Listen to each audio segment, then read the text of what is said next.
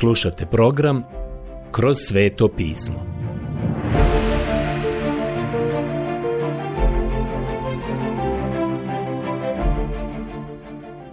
Knjiga Mudre izreke. Odlomak Mudre izreke, poglavlje 19. Ovdje na samom početku 19. poglavlja imamo jednu izreku koja glasi ovako. Siromah koji hodi u nedužnosti bolji je nego jedan koji govori naopako i ludo. Mudre izreke 19.1 Vjerujte mi, gospod nam je zabranio da bilo koga nazivamo luđakom i budalom, ali on je koristio tu riječ, jer očigledno da ima dosta takvih u ljudskoj porodici. Čitamo sada drugi stih. Siromašno znanje od zla je, a tko je prebrz, posrne sigurno. Vlastita ludost razara čovjekove naume, a ipak se njegovo srce gnjevi na gospodina. Mudre izreke 19, do 3. Ono što ovdje sada imamo je ono što zapravo imamo svo vrijeme u ovom paralelizmu, kontrast. Ovdje imamo kontrast između onih koji su Božja djeca i oni koji to nisu. Vidimo put istine i nasuprot njemu vidimo i put samovolje, bezumništva i neznanja danas možemo čuti jednu staru izreku. Neznanje je blaženstvo, ludost je biti mudar. To je neistinita izreka, to nije istina. Znam nekoliko ljudi koji su bili u službi, ali činilo se tako da su se ponosili svojim neznanjem i uvijek bi govorili. To je nešto teološko ili biblijsko i ja ne znam puno o tome. Uvijek sam imao želju da im kažem, pa zašto to ne znate? trebalo bi da znate. Zreli ste ljudi, služite u crkvi, ali ste lišeni duhovnog razumijevanja. Morao sam se ugristi za usnu da to ne kažem. Ovdje imamo ovu razliku, kontrast koji je napravljen. Evo jedne lijepe izreke koju mi je poslao profesor. Nijedan čovjek koji poznaje Bibliju nije neobrazovan. I niko nije istinski obrazovan ko ne poznaje njeno učenje. Nekada je to bila istina, ali danas su ljudi daleko od toga. Vjerovatno bih to trebao reći ovako. Danas se to više ne prihvata kao istina. Ranije se prihvatalo. Ja još uvijek ovo smatram istinom. Ja mislim da čovjek koji ne poznaje Bibliju ne može biti istinski i potpuno obrazovan. A današnji kršćani svakako ne bi trebali biti neupućeni u Bibliju. Ono što bi trebalo karakterisati dijete Božije jeste to da poznaje riječ Božju. Imamo ovdje sada u četvrtom stihu sljedeću izreku. Bogatstvo pribavlja uvijek više prijatelja, a siromaha ostavlja njegov prijatelj. Mudre izreke 19.4 Oni ljudi koji su materijalno bogati uvijek će imati kuću punu gostiju, sve dok imaju dovoljno leda i u svom baru mnogo flaša različitih pića, i dok ima muzike, zabave i luksuza. Dok god je tako, imat će mnogo gostiju. Ali zanimljivo je to što Bog ovdje kaže da je siromah onaj na koga dijete Božje treba obratiti svoju pažnju. Sjećate se da je apostol Jakov imao puno toga da kaže na tu temu. Bojim se da mi danas stavljamo naglasak na pogrešne stvari. Čujem toliko ljudi da govore. Znate da imamo milionera u našoj crkvi a tek koliko mi je propovjednika to reklo. Imam milionera u svojoj crkvi. Možda bi to bilo bolje bez njega.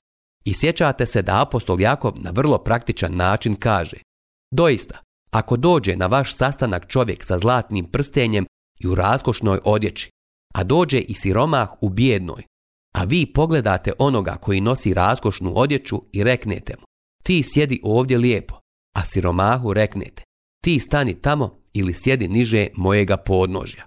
Jakovljeva poslanica 2, 2 do 3. Smijem li vam reći da se bojim da i danas siromašni ljudi imaju takve probleme u crkvi? A mi se ponekad pitamo zašto ima tako puno ljudi koji ne idu u crkvu. Ne možete ih dovesti u crkvu. Jedan par mi je govorio o tome. Oni su siromašni ljudi. Par koji ne mogu kupiti najnovije stvari. I ono što imaju izgleda prilično izlizano. Oni su se obukli i sredili najbolje što su mogli i otišli su u crkvu koja ima reputaciju vrlo konzervativne evanđelske crkve. I znate li šta se dogodilo? Oni su tamo bili omalovaženi. Bilo je strašno to što im se dogodilo. Prijatelj, mogu vam reći da se ljudska priroda nije promijenila tokom vijekova. Bojim se da postoji puno elemenata one stare prirode koja se i dalje ističe. Običavali smo govoriti ženama. Vidi vam se pocuknja. Moja me majka uvijek pitala kada je izlazila. Vidi li mi se pocuknja? To me danas pita i moja žena.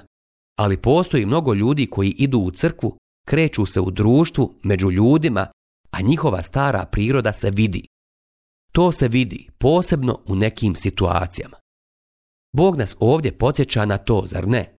kaže da su siromasi odvojeni čak i od svojih prijatelja i komšija. Oni otkriju da ste siromašni i ne žele se družiti sa vama. Pročitat ću sada peti stih. Lažan svjedok ne izlazi bez kazne. Tko govori laž ne izmakne sudu. Mudre izreke 19.5 Ako se sada spustite na deveti stih, vidjet ćete da ovdje imate skoro identičnu izjavu i čini se da se ona ponavlja. Deveti stih glasi ovako. Lažni svjedok ne izlazi bez kazne. Ko govori laž, propada. Mudre izreke 19.9. Dakle, piše. Lažni svjedok ne izlazi bez kazne. Tačno tako počinje i peti stih. Lažan svjedok ne izlazi bez kazne. Ono što se ovdje govori je sljedeće. Taj lažni svjedok ta osoba koja laže neće pobjeći, neće se izvući, bit će otkriven. Za sve ono što je ta osoba rekla, bit će pozvana na odgovornost. I ne samo to, ona će propasti. Bog će se za to pobrinuti.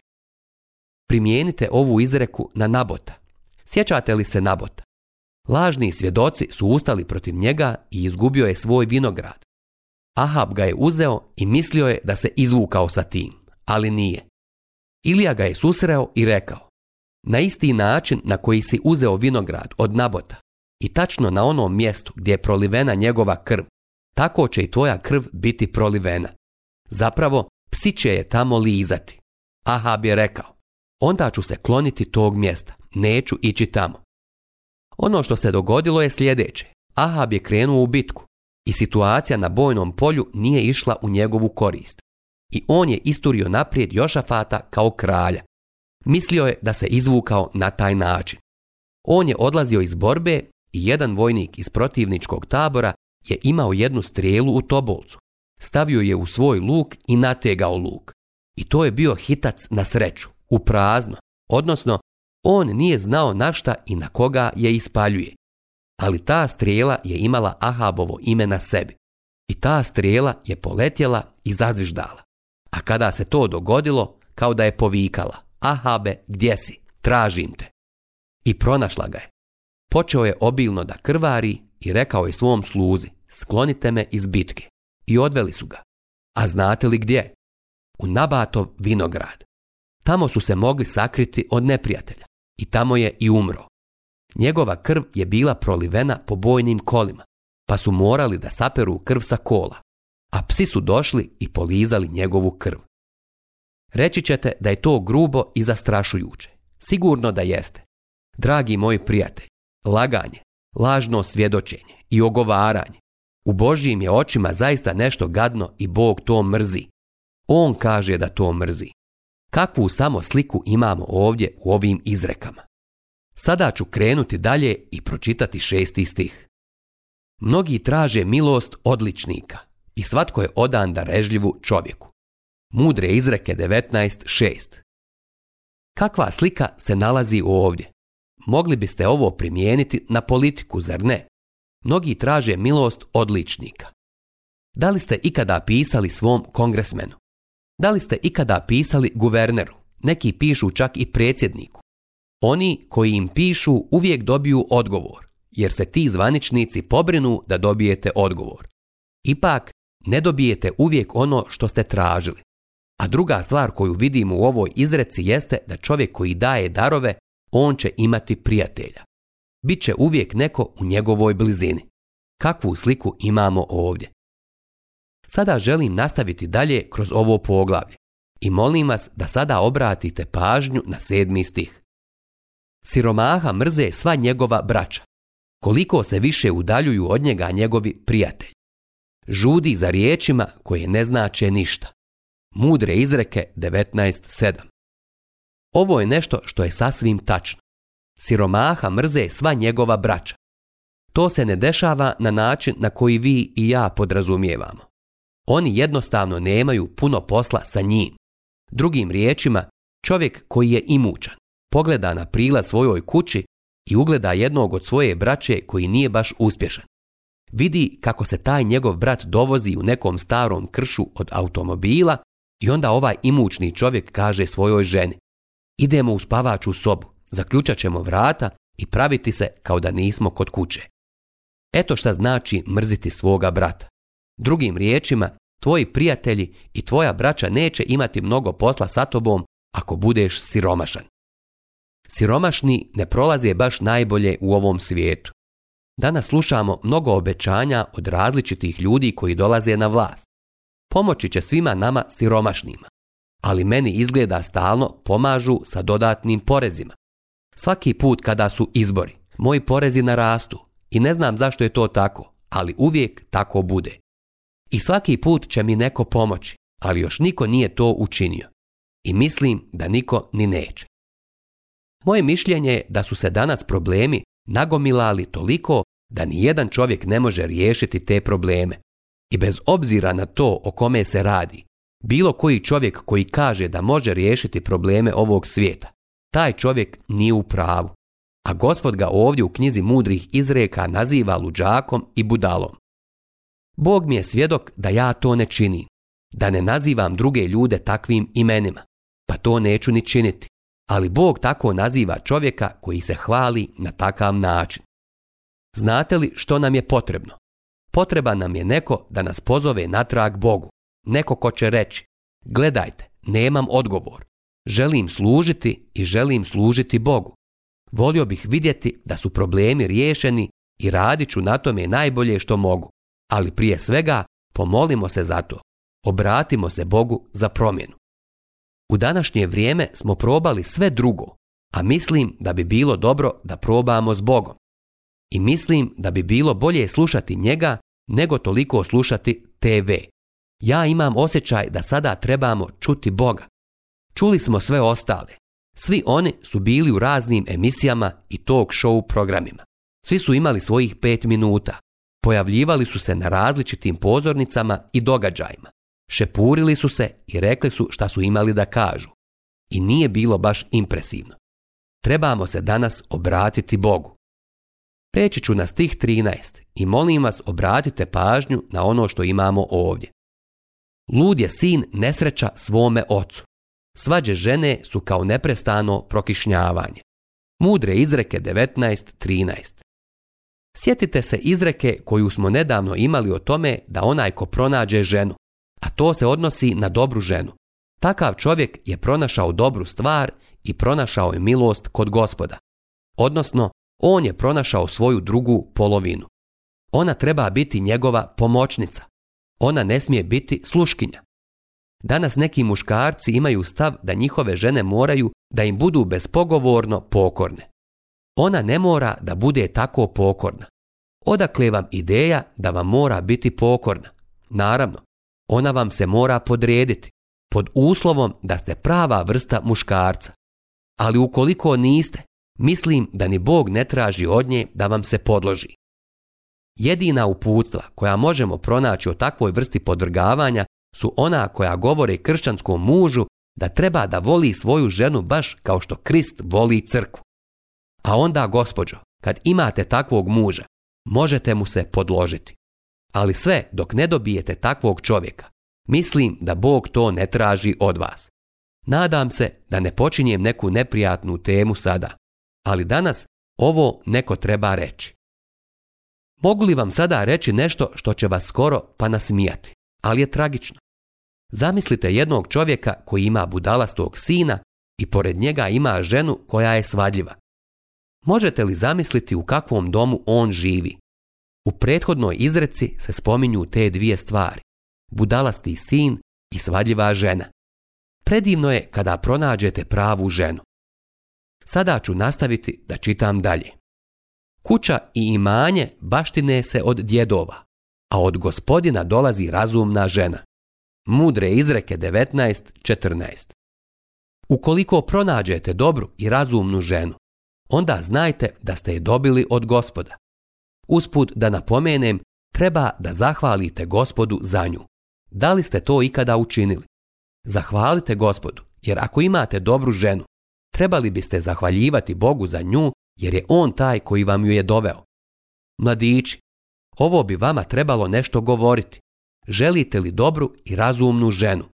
Onda znajte da onaj koji daje dobru ženu nije otac. Usput da kažem. Mnogim očevima je drago što su se riješili nekih svojih kćeri. Naš nebeski otac i danas ima puno dobrih žena koje može dati.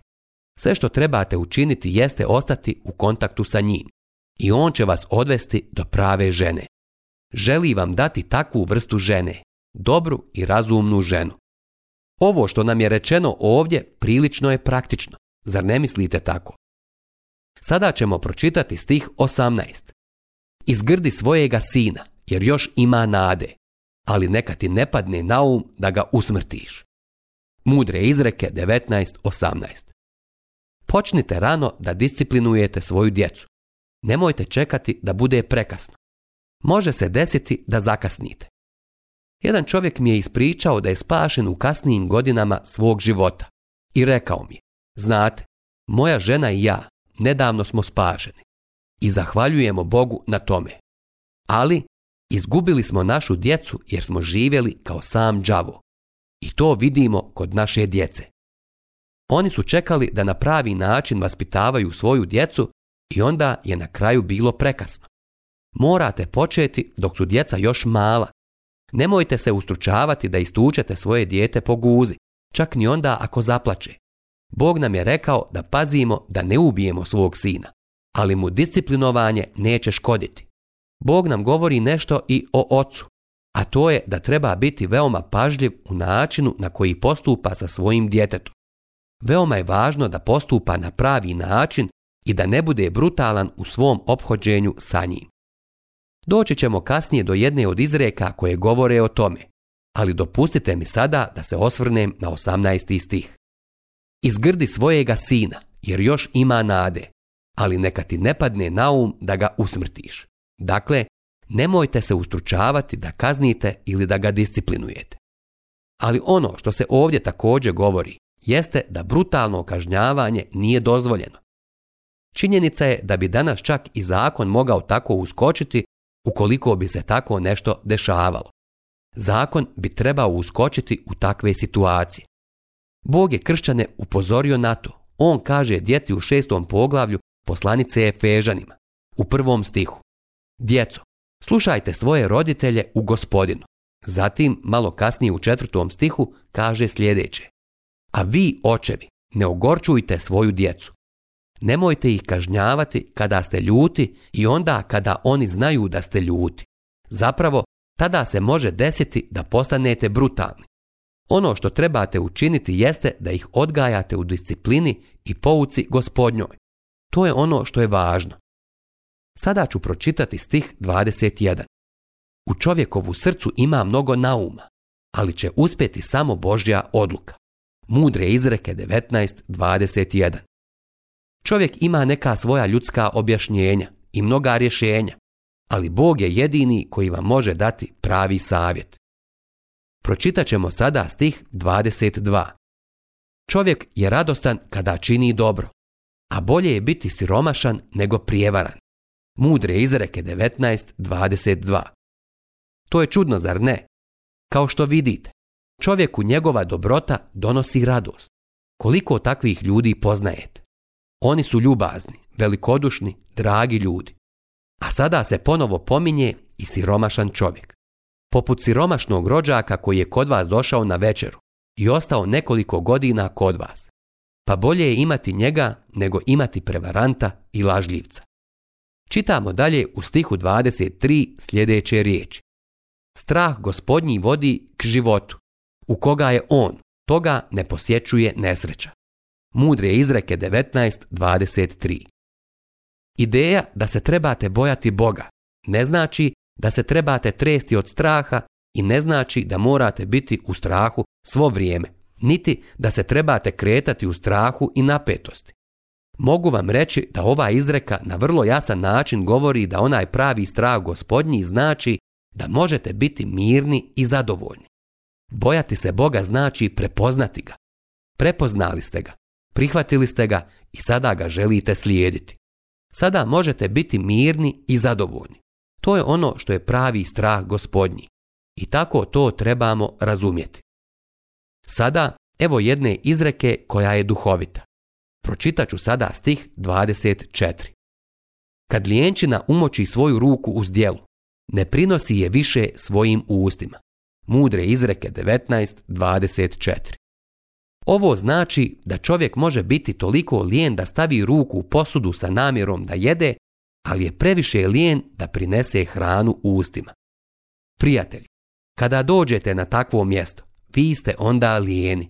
U to onda nema nikakve sumnje. Za podsmjehivače su gotovi kazneni sudovi i udarci za luđakova leđa. Mudre izreke 19.29. Stih 29 nam govori da sud dolazi. To je nešto što je sasvim očigledno. Zadovoljstva grijeha traju samo kratko vrijeme, a plata za grijeh traje vječno.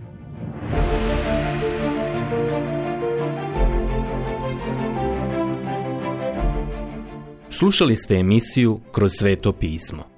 Možete nas slušati i na našem YouTube kanalu putem mobilne aplikacije te na svim glavnim podcast platformama kao što su Google, Apple i Spotify. Ako vam se naši programi dopadaju, preporučite ih i podijelite s drugima. Budite slobodni da ostavite svoj komentar ili nam pišite na našu e-mail adresu kroz svetopismo.bih at gmail.com Zapratite našu stranicu kroz sveto pismo BiH na Facebooku i na Instagramu. Emisije iz ove serije možete pronaći na našoj stranici